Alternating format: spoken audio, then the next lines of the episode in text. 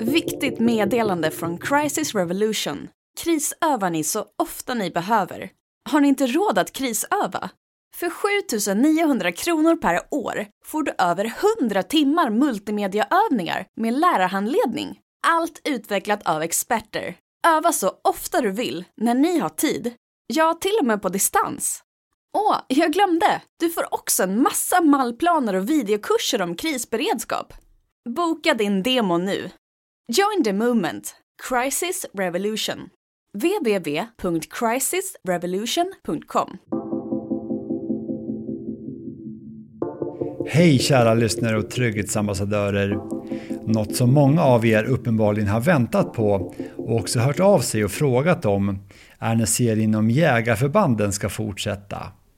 Sedan den första delserien om Norrlandsjägarna i Arvidsjaur gjorde coronapandemin att det drog ut ordentligt på tiden. Men den som väntar på något gott väntar aldrig för länge.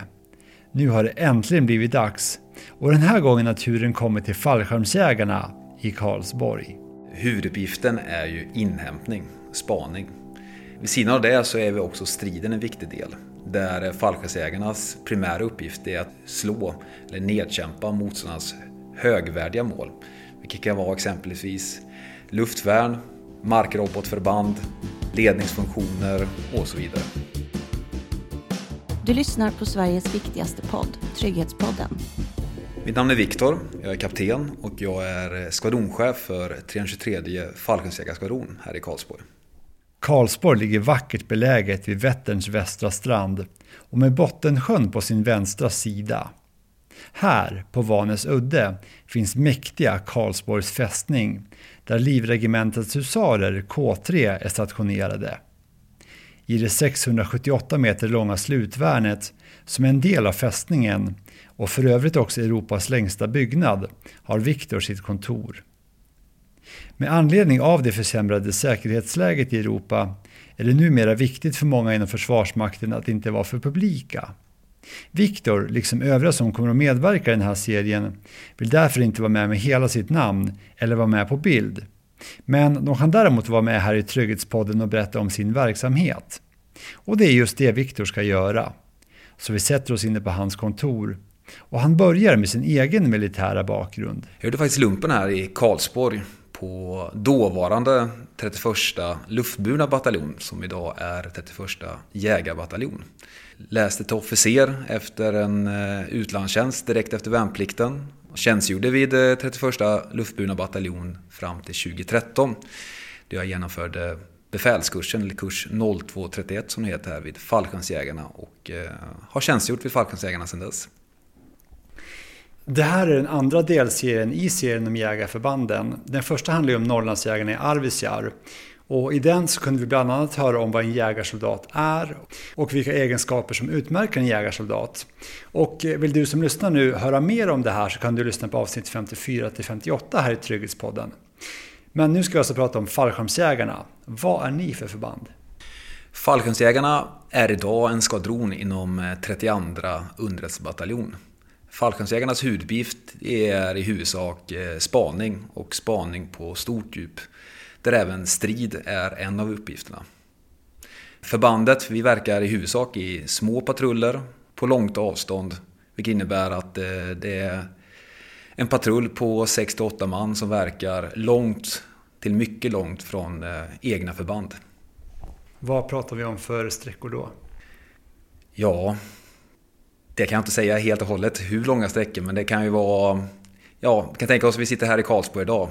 Det kan vara uppgifter i övre Norrland. Så det är, det är långt. Det här är ju en podd som handlar om att värna medborgarnas säkerhet och därmed trygghet. På vilket sätt gör fallskärmsjägarna det? Fallskärmsjägarna har ju, innehar ju en hög beredskap att kunna lösa uppgift. Och tack vare vår rörlighet, både genom luften eller med de fordonssystem vi har, så kan vi ta oss snabbt till en plats om eh, någonting skulle inträffa. Och det är framförallt då för att kunna inhämta information till högre chef. Och kunna nedkämpa högvärdiga system som motståndaren kan tänkas ha i det området. Sen är det många av min personal också som eh, efter de har tjänstgjort i Fallskärmsjägarna även går vidare i samhället. Där många blir en viktig del i samhället. Poliser, läkare och så vidare. Det är en stor andel som blir det efter de har tjänstgjort här vid förbandet. För den bilden man har av de som är jägarsoldater så är det ju ofta folk som är om man säger, motiverade, man kanske har ett starkt driv. Och i serien från Norrlandsjägarna så kunde vi också höra Fredrik Andersson där berätta om att när man har gjort tjänsten som jägarsoldat att man har lärt sig också mycket det här med att man sätter laget före jaget, att man kanske blir en god samhällsmedborgare och att det också sen bidrar till både ens egen utveckling men också samhället, vad man kan göra där. Det tror jag absolut. Det vi ger framför allt här, om vi pratar om eh, laget före jaget, det blir i synnerhet på en Falkensegarpatrull som verkar väldigt enskilt med bara sex man. Det blir alla i patrullen en mycket viktig del för att kunna lösa uppgiften. Livregementets husarer K3 är ett kavalleriregemente med mycket gamla anor. Ursprunget till kavalleriförbanden började ta form redan under Gustav Vasas tid för att sedan utvecklas vidare under stormaktstiden. Och 1815 bildades Livregementets husarer.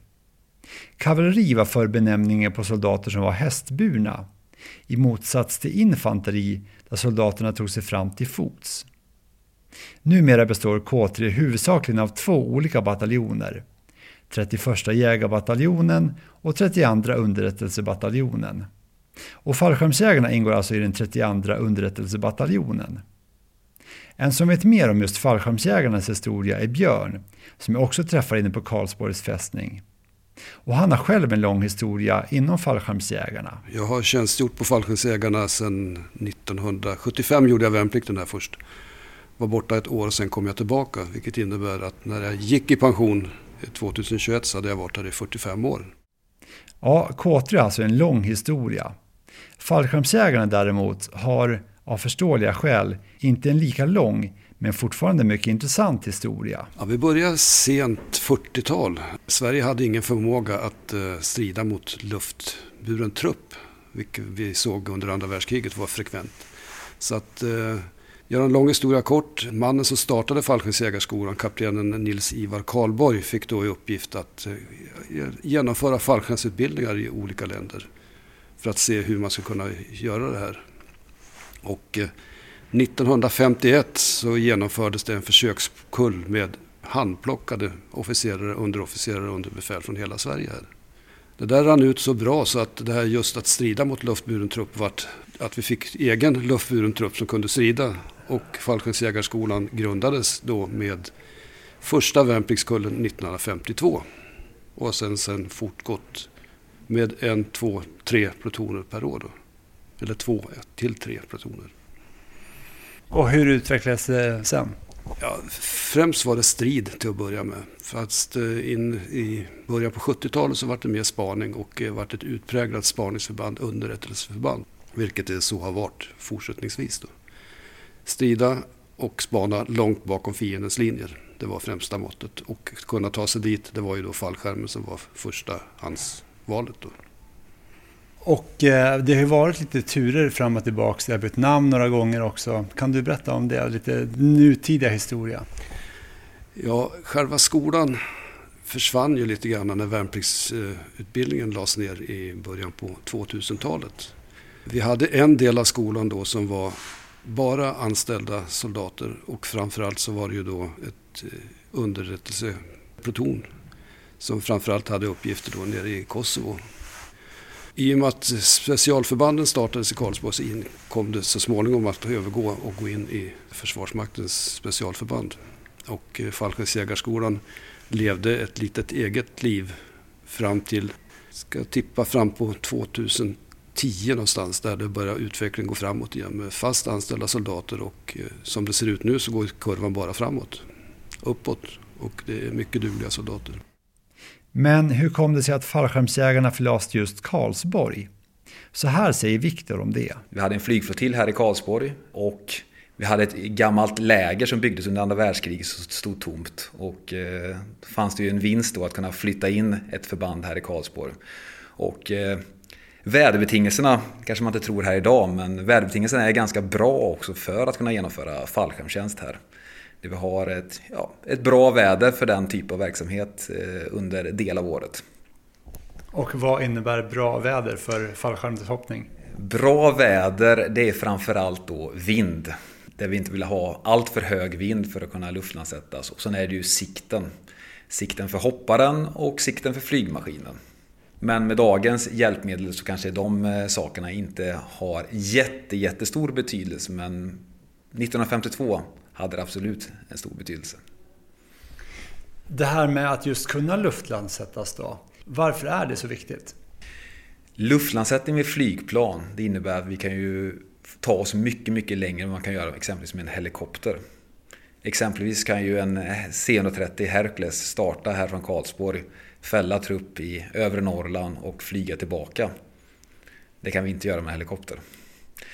Flygplanet medger också att vi kan eh, fälla mycket trupp, mycket personal. Vi kan fälla materiell, allt ifrån båtar, skotrar till terränghjulingar och så vidare. Så vi kan få med oss mycket materiell och fordon in också i området vi vill verka i.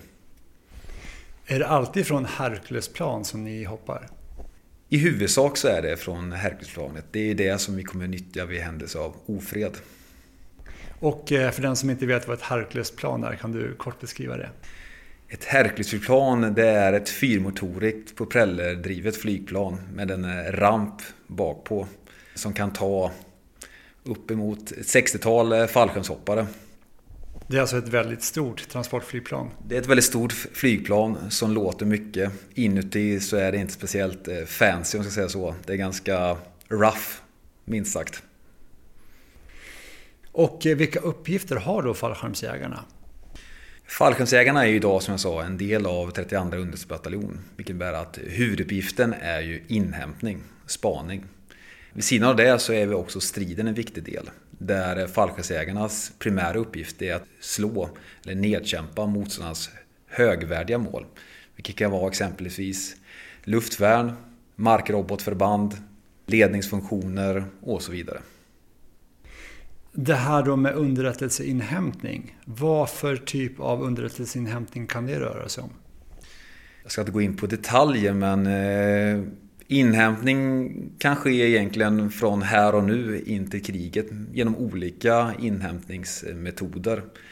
Metoden från eh, förr, den ligger väl kvar. Det vill säga kunna inhämta i skog och mark från en oplats, dold oplats i skogen. Med olika system till att kunna uppträda på andra sätt i de miljöerna vi rör oss i. Så egentligen kort och gott, den kan genomföras dolt, fast eller rörligt dolt eller öppet, både dolt och, eller rörligt och fast. I de flesta militära förband kallas en mindre skara personer för en grupp. Men i fallskärmsjägarna kallas det för en patrull. Patrull det är ju en tillfälligt sammansatt enhet för att lösa en eh, uppgift och det är så vi i regel verkar. Vi jobbar i grunden i patrullen men vi tillfälligt sammansätter dem för att lösa uppgifterna. Vilket innebär att för en en uppgift exempelvis som kräver prickskyttar då tillförs man prickskyttar till en patrull eller man behöver för att kunna genomföra en bekämpning, alltså skjuta med flyg eller artilleri, att vi tillför eldledare eller eh, JTACs, alltså personal som kan leda stridsflyg. En patrull består ofta av 68 personer. Men fallskärmsjägarna kan även verka i ännu mindre enheter, till och med som par. Och ibland kan de även vara fler. Vi kan verka som par och det är i synnerhet vid prickskyttetjänsten där man i regel uppträder i par eller triss för att lösa uppgiften. Falkensjägarna kan också verka i större styrkor, upp till tropp, två patruller då. Om det är ett mål som vi ska gå mot för att nedkämpa, det behöver vi ha mer personal. Men i regel försöker vi jobba i mindre enheter i syfte att inte exponera oss allt för mycket, det vill säga synas eller höras. Vi kan nyttja att vi är smidiga och få till antalet för att lösa uppgiften. Ja, en patrull sätts alltså samman utifrån vilken uppgift som ska lösas. Men vilka befattningar har då personerna som ingår i patrullen? Patrullchefen är ju ganska tydligt. Han leder sin eh, patrull. Kopplat till det då så löser han ju uppgifter enskilt. Vilket ställer ett ganska stort krav på chefen. Att göra en eh, gedigen planering innan och sen då kunna leda sin patrull i de här olika miljötyperna. Där miljötyperna kan vara ett ganska hård plats att vara på om man ser till övre Norrland eller ett stormigt Östersjön. Så kräver en hel del av den chefen att kunna fatta rätt beslut där och då. Sambandsansvariga, signalisten, han är ju viktigt att han är tekniskt kunnig, kan eh, hitta lösningar på problem och tillse att eh, patrullen har samband bakåt. Utan samband så blir ju patrullen tämligen eh, dålig om man säger minst sagt. Så han är en viktig del där. Undersöksmannens viktigaste del är att kunna framförallt koppla när det kommer till striden. Att kunna hantera de tunga vapensystemen så patrullen erhåller den verkan de vill ha där och då. Och sjukvården, självklart, om det värsta skulle inträffa, kunna hantera en skada på patrullen. Och det som det blir återigen kopplat till att verka enskilt och på långt avstånd då kunna göra det under lång tid. Vilket innebär ett otroligt stort ansvar. Eftersom fallskärmsjägarna ska kunna verka i så många olika miljöer menar Viktor att de i ännu högre grad än andra jägarförband måste kunna anpassa sig utifrån förutsättningarna. Vi är mer dynamiska, är min uppfattning. Vi har eh, befattningar på en patrull. Men patrullen generellt, en fallskärmsjägarpatrull, utöver sin befattning så ska man kunna hantera en mängd olika saker. Allt ifrån olika sensorer till olika fordonssystem. Vilket kräver en hel del av individen. Och i vilka miljöer verkar fallskärmsjägarna? Vi ska kunna verka i hela Sverige året runt. Vilket innebär att vi från vintermiljö över Norrland till att kunna verka ute i vår skärgårdsmiljö. Vilket innebär att vi har fordon och utbildning för att kunna ta oss fram i vintertid. Eh, med skidor, snöskoter och i den marina miljön, i skärgårdsmiljön med båtar, kunna simma i vattnet, så vi har torrdräkter och så vidare. För det låter ju som att ni då måste vara väldigt mångfacetterade. För att annars om man tittar på andra förband kanske man ska vara bra i en miljö och ett annat förband ska vara bra i en annan miljö. Men ni ska kunna verka i alla. Ja, och det återigen då, det kräver en hel del av individen att kunna klara av alla de här eh, typmiljöerna. Och eh, ja, det blir ju träningen under året, det blir ju på olika delar i Sverige för att kunna hantera det här. Vi var inne lite grann på det här i serien om Norrlandsjägarna. Om vilken typ av personer som kan passa att vara jägarsoldat. Om du skulle säga så här, de som är fallskärmsjägare, vilka egenskaper är bra att ha för att vara en bra fallskärmsjägare? Jag tycker ju att eh, fallskärmsjägarnas eh, motto, vilja, mod, uthållighet eh, träffar ganska bra på vilken individ jag söker.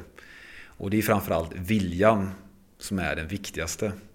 För att kunna hantera de här miljöerna och umbäranden som de facto är att vara på en fallskärmsjägarpatrull så är det viktigt att ha en, en hög motivation för att kunna lösa uppgiften. Och som vi var inne på tidigare då, att kunna fungera i en grupp och sätta laget före jaget. Det tror jag är det viktigaste. Och framförallt, återigen det vi har pratat om tidigare, med eh, vad den enskilde ska kunna och vilka miljöer den ska kunna hantera. Så att det är viktigt att ha en, en träningsbar, lättränad individ. Fallskärmsjägarna ska alltså både kunna spana och strida. Och för att kunna strida, vilka vapen använder de? Vi hanterar eh, olika typer av kulsprutor, olika typer av minsystem, granatgevär, robotar.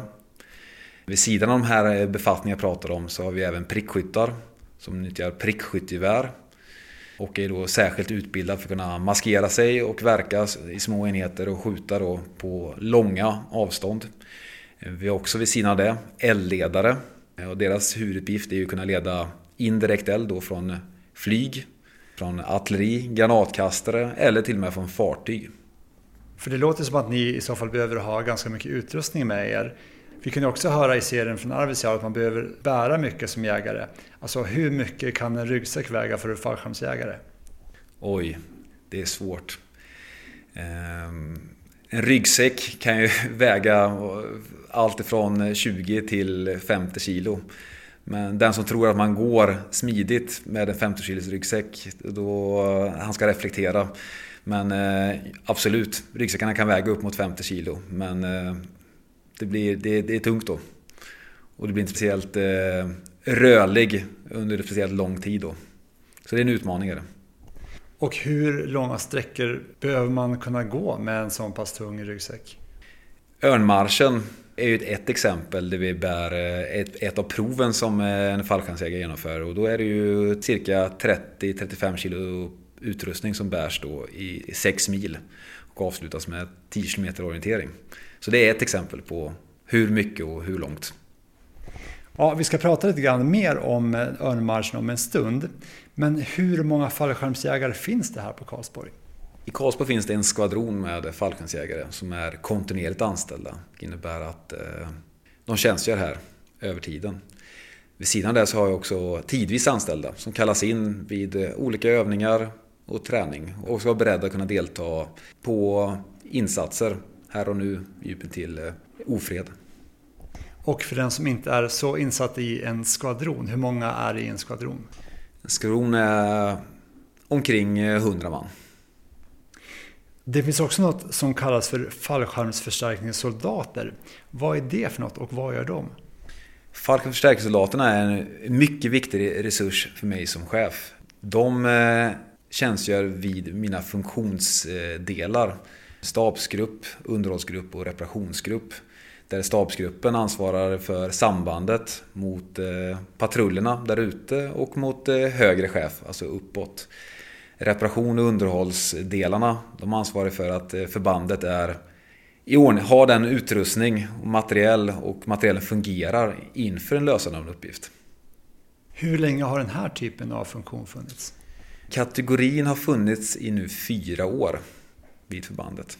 Och eh, de genomför eh, inte samma prov som fallskärmsjägarna men det genomförs tester för att kunna bli anställd som det. Och de genomför fallskärmsutbildning Därav bär de den vinröda basken som eh, övrig personal vid skvadronen. Och varför behövdes de här tillföras då? Rätt man på rätt plats. Fallskärmsjägaren har eh, sina fördelar och hans stora fördel är ju hans styrka eh, rent fysiskt. Alla av dem kanske inte har det djupa tekniska intresset som en förstärkningssoldat bör ha. Allt ifrån då för förstärkningssoldaten att kunna hantera datorer, olika radiosystem eller kunna bistå med eh, avhjälpande underhåll, det vill säga reparationer på olika typer av sambandssystem, optik, fordonssystem och så vidare.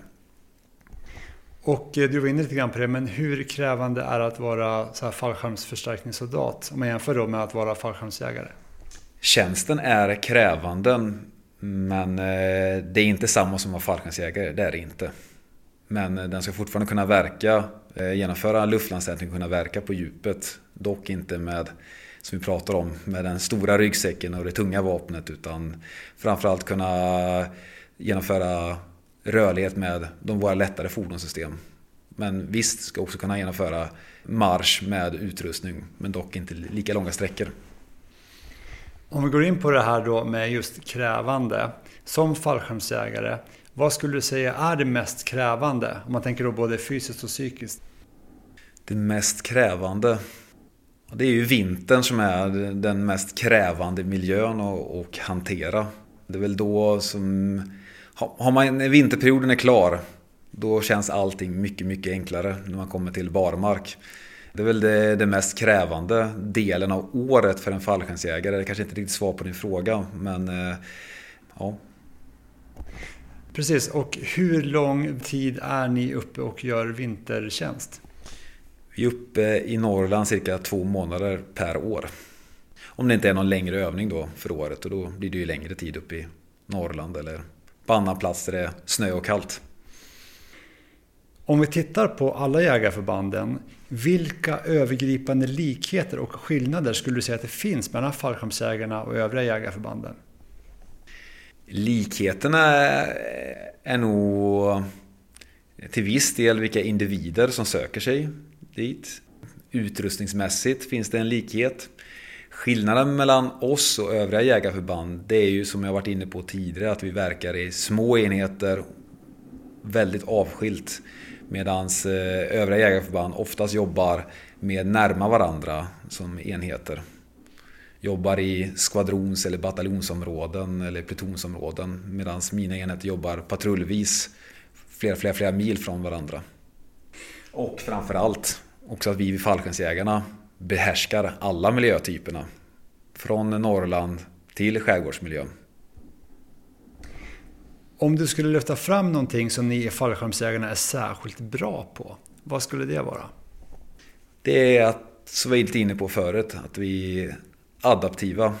Vi är flexibla för att lösa uppgiften och vi har framförallt viljan att ta oss an uppgiften. Hög grad av uppdragsglädje. Fallskärmsjägarna ingår i den 32 underrättelsebataljonen och i den ingår en rad olika tjänster. Kan du bara kort berätta vad bataljonen har för uppgift och vilken eran roll i bataljonen är? Underrättelsebataljons uppgift är att eh, delge underrättelser till taktisk chef, arméchef och operativ chef, chefen insats. Underrättelsebataljon består ju av eh, flertal olika förmågor som du är inne på. Där vi har en underrättelseskvadron, UAV-skvadron, det vill säga eh, flyga obemannade farkoster i syfte att inhämta. Eh, och vi har framförallt en väldigt stor bearbetningsförmåga i bataljonen. Alltså kunna ta in den här informationen, bearbeta den och sen kunna leverera en produkt. Säga vad vi har kunnat inhämta emot eller vad andra inhämtat emot. Just det här med obemannade flygande farkoster eller UAV då. Om vi tittar på kriget i Ukraina nu så här är ju här någonting som har fått en väldigt stor betydelse. Och eh, om man tittar då på de UAV som ni använder här i underrättelsebataljonen. Vad är det först för sort? Är det drönare eller vad är det för något? Bataljonen har ju två obemannade farkoster. Där vi har en eh, mindre UAV som man kastar för hand. Och vi har en större då som startar egentligen med att man skjuter dem från en, eh, en ramp. Som kan flyga på längre avstånd och ha lite större kapacitet gällande sensorer och så vidare. Och vilka fördelar, vilken nytta kan ni som är fallskärmsjägare dra av att ni har tillgång till det här med UAV? Bataljonen som sådan har ju, eh, kan ju inhämta både från marken med olika typer av eh, sensorer och förmågor och från luften och genom det då lägga samman ett pussel. Vilket vi då kan skapa en, en bättre bild av, eh, av ett läge i ett område. Och för att kunna delge våran chef eller den uppgiftsställaren har för uppgiften. Hur länge har det här funnits här i den här underrättelsebataljonen? UAV-förmågan startade ju i Karlsborg och har ju egentligen funnits vid bataljonen sen, ja, större delen sen, bataljonen har ju bytt namn under åren men man kan egentligen säga att UAV-förmågan har funnits i bataljonen sen början av 2000-talet. Har du något konkret exempel på hur ni har kunnat använda den och varför det är bra för er att ha den förmågan? En UAV kan ju täcka väldigt stora områden väldigt fort. Genom att eh, istället för att gå eller framrycka med fordon så kan den flyga. Vilket innebär att den ganska obehindrat tar sig fram och kan med sina tämligen bra sensorer då kunna upptäcka ett mål eller lokalisera ett mål. På en helt annan eh, tidsaspekt än vad vi gör till fots eller med fordon. Tidigare så kunde ju värnpliktiga bli fallskärmsägare men numera är det bara yrkessoldater här. När gjordes den förändringen och varför? Försvarsmakten, just nu så är vi i en återuppbyggnad. Vi har precis nu återinfört värnplikten. Värnplikten upphörde ju i samband med eh, kring 2010. Och det även gjorde på fallskärmsjägarna och vi övergick till yrkesförsvar. Så det är egentligen det svaret på frågan. Vi likriktar oss som övriga Försvarsmakten. För vi kunde ju höra Fredrik Andersson berätta i serien om Norrlandsjägarna att han ser en väldigt stor fördel i att man har yrkesverksamma soldater för då hinner man öva mer, man blir skickligare i sin roll. Är det samma sak här, att ni ser en fördel i det? Eller är det också en fördel att ha värnpliktiga? Eller hur skulle du säga, vad är det optimala? De förmågorna vi behärskar idag hade vi aldrig hunnit genomföra på en värnpliktig. Vi behöver den tiden och behöver soldater som jobbar här länge för att kunna hantera alla de typer av materiellsystem och olika andra utbildningar för att kunna spana, strida och så vidare. Så den anställda soldaten är mycket viktig för oss. Och sen har vi framförallt tidsaspekten. Att kunna vara, stå i beredskap. Och då behöver vi också den anställda soldaten i högre grad än den värnpliktiga. Men i och med att man inom Försvarsmakten nu satsar mycket på att bygga upp, det kommer att bli fler värnpliktiga. Vad tror du framöver kommer att bli värnpliktiga fallskärmsjägare igen? Vi får se. Jag hoppas. För det antar jag är en bra rekryteringsbas också för att ni ska kunna få in fler yrkesverksamma sen. Värnpliktiga skulle ju vara en väldigt stor fördel om vi kunde ha en, en värnpliktig fallskärmsjägare som sedan vidare blir en anställd fallskärmsjägare. Men vi får se vad framtiden har att ge. Fallskärmsjägarna är ju känd för att vara tufft, både psykiskt och fysiskt. Hur hårt är det att vara fallskärmsjägare? Oj, det är nog lite i betraktarens ögon hur tufft det är. Ja, jag vet inte vilken skala vi ska säga, hur hårt det är, men eh, det är tufft, det är det. Och det kommer krävas av individen att bita ihop. Ehm, jag kan inte förklara mer, men eh, och det är framförallt bita ihop och vara ödmjuk med sina kamrater. Är man en patrull, då är man patrull. Det är sex man till åtta man som ska lösa uppgiften. Då är alla en viktig del i laget. Det finns ingenstans att gömma sig. Den här så kallade örnmarschen då, den har ju blivit ganska känd, kanske även för någon som inte är fallskärmsjägare. Men för någon som inte känner till örnmarschen, vad är det för något? Örnmarschen som jag tidigare sa, det är ju ett delprov för att bli utnämnd fallskärmsjägare. Provet kom till för att åskådliggöra ett fallskärmsjägaruppdrag egentligen med att luftlandsätta, framrycka, lösa en stridsuppgift och därefter framrycka från stridsuppgiften. Örnmarschen genomförs i regel på hösten. Det innebär att man eh, och är i slutet av det första skedet för grundkurs fallskärmsjägare. Alltså de som genomför cirka ett års utbildning för att bli fallskärmsjägare. Och örnmarschen är avslutet på barmarksperioden.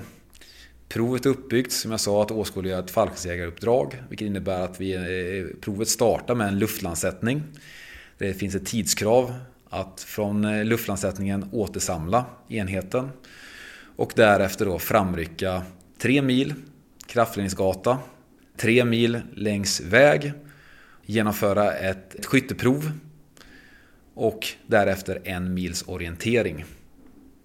Så sammanlagt sträcka 70 kilometer och alla moment ska vara avklarade inom 24 timmar. Norr om Karlsborg ligger Nytorps skjutfält. Där träffar jag Alexander som har varit fallskärmsjägare i tre och ett halvt år. Och så här säger han om örnmarschen. Man kommer alltid ihåg sin, eh, sin första örnmarsch. Det är, ingen, det är en lättnad då det är det sista man gör på, sin, på grundkursen. Och, ja, den är tre månader lång och det, det är ett ganska skönt avslut att få, att få göra klart den och veta att eh, det är inte långt kvar till att man får sin, eh, får sin örn. Under örnmarschen bärs en ryggsäck som väger 30 kilo. Och det är alltså en mycket lång marsch med flera andra delmoment. Så hur är det då att genomföra örnmarschen? Det växlar hela tiden. Det är en lättsam eh, marschspets att man får gå med sin patrull och man har ett tydligt mål. Men samtidigt så är det ju självklart eh, tufft. Det gör ont i fötterna. Det verkar i ryggen. Och oftast är det också såklart dåligt väder i november när man går den. Så eh, det är, det är en tuff marsch men eh, det är också en ganska härlig känsla att få, att få göra. Mot slutet då, när man har varit igång i stort sett i ett dygn och eh, vandrat en massa och genomfört de här olika övningarna och så. Alltså vad tänker man när man marschar fram där? Ja, det växlar, ibland tänker man ingenting. Då går man ett marschpass 50 minuter utan att ens eh, veta om det själv. Sen så tänker man mycket på sina ömma fötter och förhoppningsvis har man någon bredvid sig som eh, är på bra humör så man kan gå och småsnacka lite. Hur viktigt är det här med att man kan pusha varandra när man genomför en sån här typ av övning? Det är superviktigt. Utan, utan gruppen och varandras stöd så kan vi inte, kan vi inte göra det, det vi gör på det här förbandet. Niklas har varit fallskärmsjägare i fyra och ett halvt år. Jag ber honom att berätta om något minne under den tiden som har varit särskilt jobbigt eller utmanande. Det skulle jag säga var första örnmarschen jag gick som vi gjorde under grundkurs fallskärmsjägare. Då allt var nytt, man hade press på sig att man skulle klara det. Det var väl det tuffaste. Mycket var rent psykiskt, att man hade mycket press på sig. Man ville verkligen bli examinerad fallskärmsjägare. Mot slutet av den här, hur känner man då när det börjar närma sig, alltså i kroppen och i huvudet? Jo, det, det tar emot halvvägs, eh, precis ungefär när det börjar bli mörkt, då kommer man halvvägs till Hallerud heter det. Och eh, efter Hallerud då går man ju hela sträckan, resten i mörker. Och eh, det tar mycket på en. Att fortsätta gå i mörkret. Eh, men sista marschpassen då är det bara alla ont i fötterna, alla är trötta, alla har skav. Men man gör det tillsammans och då blir det så mycket enklare.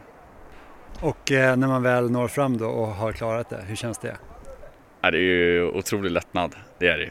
Att ha klarat då, som var då första gången, klara örnmarschen och särskilt under grundkursen.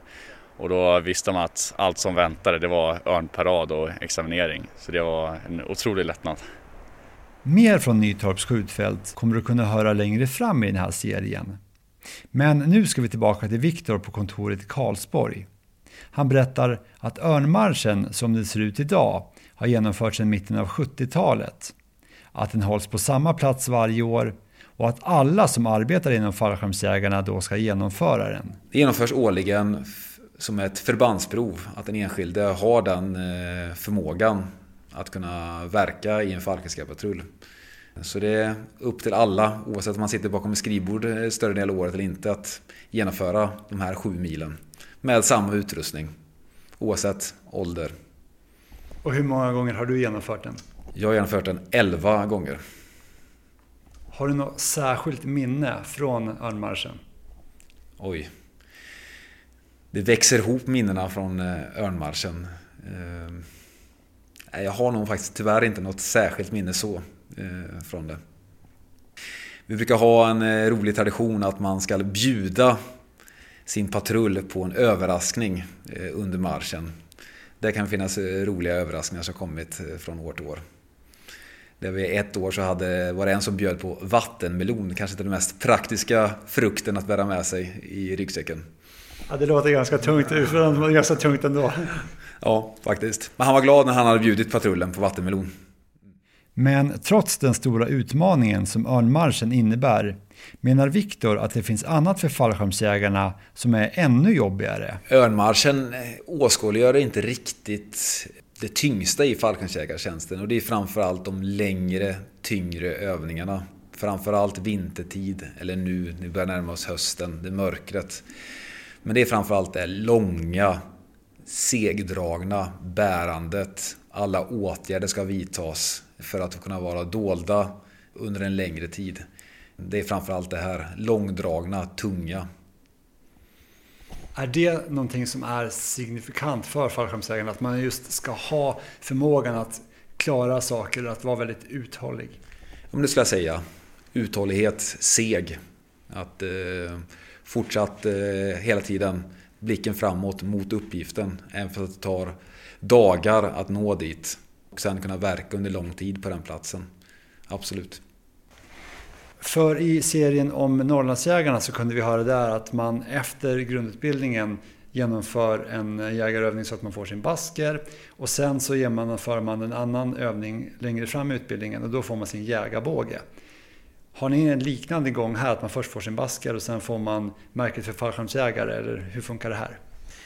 Basken tilldelas efter man genomför sitt första fallskärmshopp. Basken bärs sedan under träningen för att hoppa fallskärm. Men den tilldelas då så man får bära den efter man genomför sitt första fallskärmshopp. Vilket innebär att alla vid förbandet bär den vinröda basken efter man genomfört fallskärmsutbildning. Örnen tilldelas efter genomförd örnmarsch. Och då har man genomfört då proverna snabbmarsch, mil och man genomfört en fallskärmsjägarövning och man anses lämplig att få bära den gyllene örnen. Och då bär man örnen utan vinröd bård. Efter det att eh, individen har tjänstgjort vid förbandet i 12 månader, har slutfört utbildning till fallskärmsjägare, vet du, vet du, vilket innebär att man genomfört vintertjänsten med tilläggsprovet då 50 km skidmarsch vinter. Det är en skidmarsch som genomförs 5 mil på skidor med utrustning på 12 timmar. Och man har genomfört då även att kunna hantera den marina miljön och även genomfört ytsimsprovet. 5 km på 6 timmar. Då har man rätt att bära den gyllene örnen med vinröd vård. Och då är man färdigutbildad fallskärmsjägare. Så därav kan man se då på uniformer, om man ser en grönklädd fallskärmsjägare, om man är en svart örn, då är man kan man hantera barmarksförhållanden och har man en svart örn med silvrig bakgrund då är man färdigutbildad fallskärmsjägare. Och på de finare uniformerna så är det en vinröd bård, då är man färdigutbildad fallskärmsjägare. Om man tittar på det här med basken då, så många elitförband runt om i världen har ju den gröna basken som ett kännetecken. Men fallskärmsjägarna har röda baskrar. Varför då? Det är en självklarhet. För den vinröda basken är ju den symbol som eh, fallskärmsburna förband har burit sedan andra världskriget i många, många länder. Vilket även ser idag. I februari i år så invaderade ju Ryssland Ukraina och som vi har hört flera medverkande i Trygghetspodden berätta så har det här påverkat hela den europeiska säkerhetsordningen men även såklart säkerhetsläget för oss i Sverige. Rent konkret här för er i fallskärmsjägarna då, har det påverkat någonting för er och i så fall hur? Vi eh, är observanta som alla delar av Försvarsmakten är och vi anpassar vår beredskap utifrån händelseutvecklingen. Det är väl det jag kan säga. Kan du säga någonting, har ni liksom när det gäller utbildning eller någonting sånt där, att ni har ändrat om någonting så, utan att gå in på några detaljer som kanske är hemliga? Vi fortsätter att, att träna, som vi alltid gör, mot eh, att kunna hantera uppgifter här och nu till eh, kriget. Så i stort sett ingen större skillnad. Självklart så har vi ett större fokus med hänsyn till händelseutvecklingen på träningen. Att man skärper sig kanske allt mer när man vet hur det ser ut i Europa. Har verkligheten så att säga kommit närmare i och med kriget? Vi har ju trott i Europa, eller västra delen av Europa och världen att den oändliga freden var här. Jag tror alla har reflekterat sedan kriget startade i Ukraina att eh, kriget kan komma och det kan komma närma oss och det kan komma väldigt fort. Påverkar det här motivationen för er som är inom fallskärmsjägarna? Motivationen har alltid funnits där men självklart när man ser omvärldsläget och eh, vi ser ens egen roll i det hela så känner man ju själv att jag har en viktig roll tillsammans med mina, mina enheter att fylla om det skulle ske ett förändrat eh, läge kring, i och omkring Sverige. Med anledning av kriget i Ukraina och hur den säkerhetspolitiska situationen har förändrats så kommer ju Försvarsmakten att få mycket högre anslag och kunna växa. Gäller det detsamma för er? Att ni också kommer att få högre anslag och kommer att kunna växa framöver? Ja, det ser positivt ut i hela Försvarsmakten. Och det rinner ju neråt till eh, oss också. Vi märker att det finns en, eh, en helt annan möjlighet nu att eh, utvecklas än vad vi gjorde för några år sedan. Hur påverkar det rent konkret? Och kommer ni kunna få mer och bättre materiel till exempel? Eller andra saker som påverkar rent konkret? Det kommer säkert innebära att vi har möjlighet att utvecklas både personellt och materiellt. Vilket är mycket positivt. Har du som chef för fallskärmsjägarna någon så här önskelista på saker som du gärna skulle vilja se att ni får? Det har jag, men det är inget jag kommer ta i Trygghetspodden.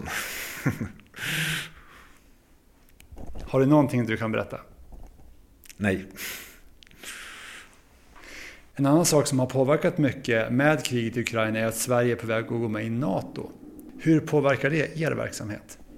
Det kommer nog innebära framgent att det kommer ställas högre krav på oss att kunna verka utomlands och kunna verka med andra nationer i en helt annan utsträckning än vad vi gör idag. Eller har gjort. Det tror jag är den stora förändringen. Och eh, hur kommer det då märkas för er? Kommer ni till exempel att öva mer med andra fallskärmsjägarförband från andra NATO-länder till exempel? Eller? Sannolikt. Jag har inte exakt och jag kommer inte dela exakt hur framtiden ser ut men eh, ja, det är min högsta personliga uppfattning att vi kommer eh, öva med likasinnade förband. Och på vilket sätt kan det här vara bra för er? Kan ni till exempel få influenser eller lära er saker från andra liknande förband? Absolut. Vi kommer kunna tillgodose oss både erfarenheter och kunskap eh, från andra nationer och andra förband. Vilket är positivt. Och vi kan framförallt lära ut vad vi kan från fallskärmsjägarna och Sverige. Utöver de svenska fallskärmsjägarna då, finns det något annat fallskärmsjägarförband i något annat land som du gärna övar med eller som du tycker är väldigt så förmånligt att få öva med? Nej, det är inget jag vill uttrycka här i podden. Men jo, det finns det ju. Du har hört ett avsnitt av Trygghetspodden. Fler avsnitt finns på trygghetspodden.se. I nästa avsnitt av Trygghetspodden Sen så får man, det kan vara allt ifrån fem minuter kvar, två minuter kvar, men sen får man minst en minut kvar. Och då står man i mitten av planet. Och så, eh, sen så kommer det ju rött ljus då på 15 sekunder kvar. Och då, då blir man alltid extra taggad. Och sen så, då vet man att nu gäller det liksom.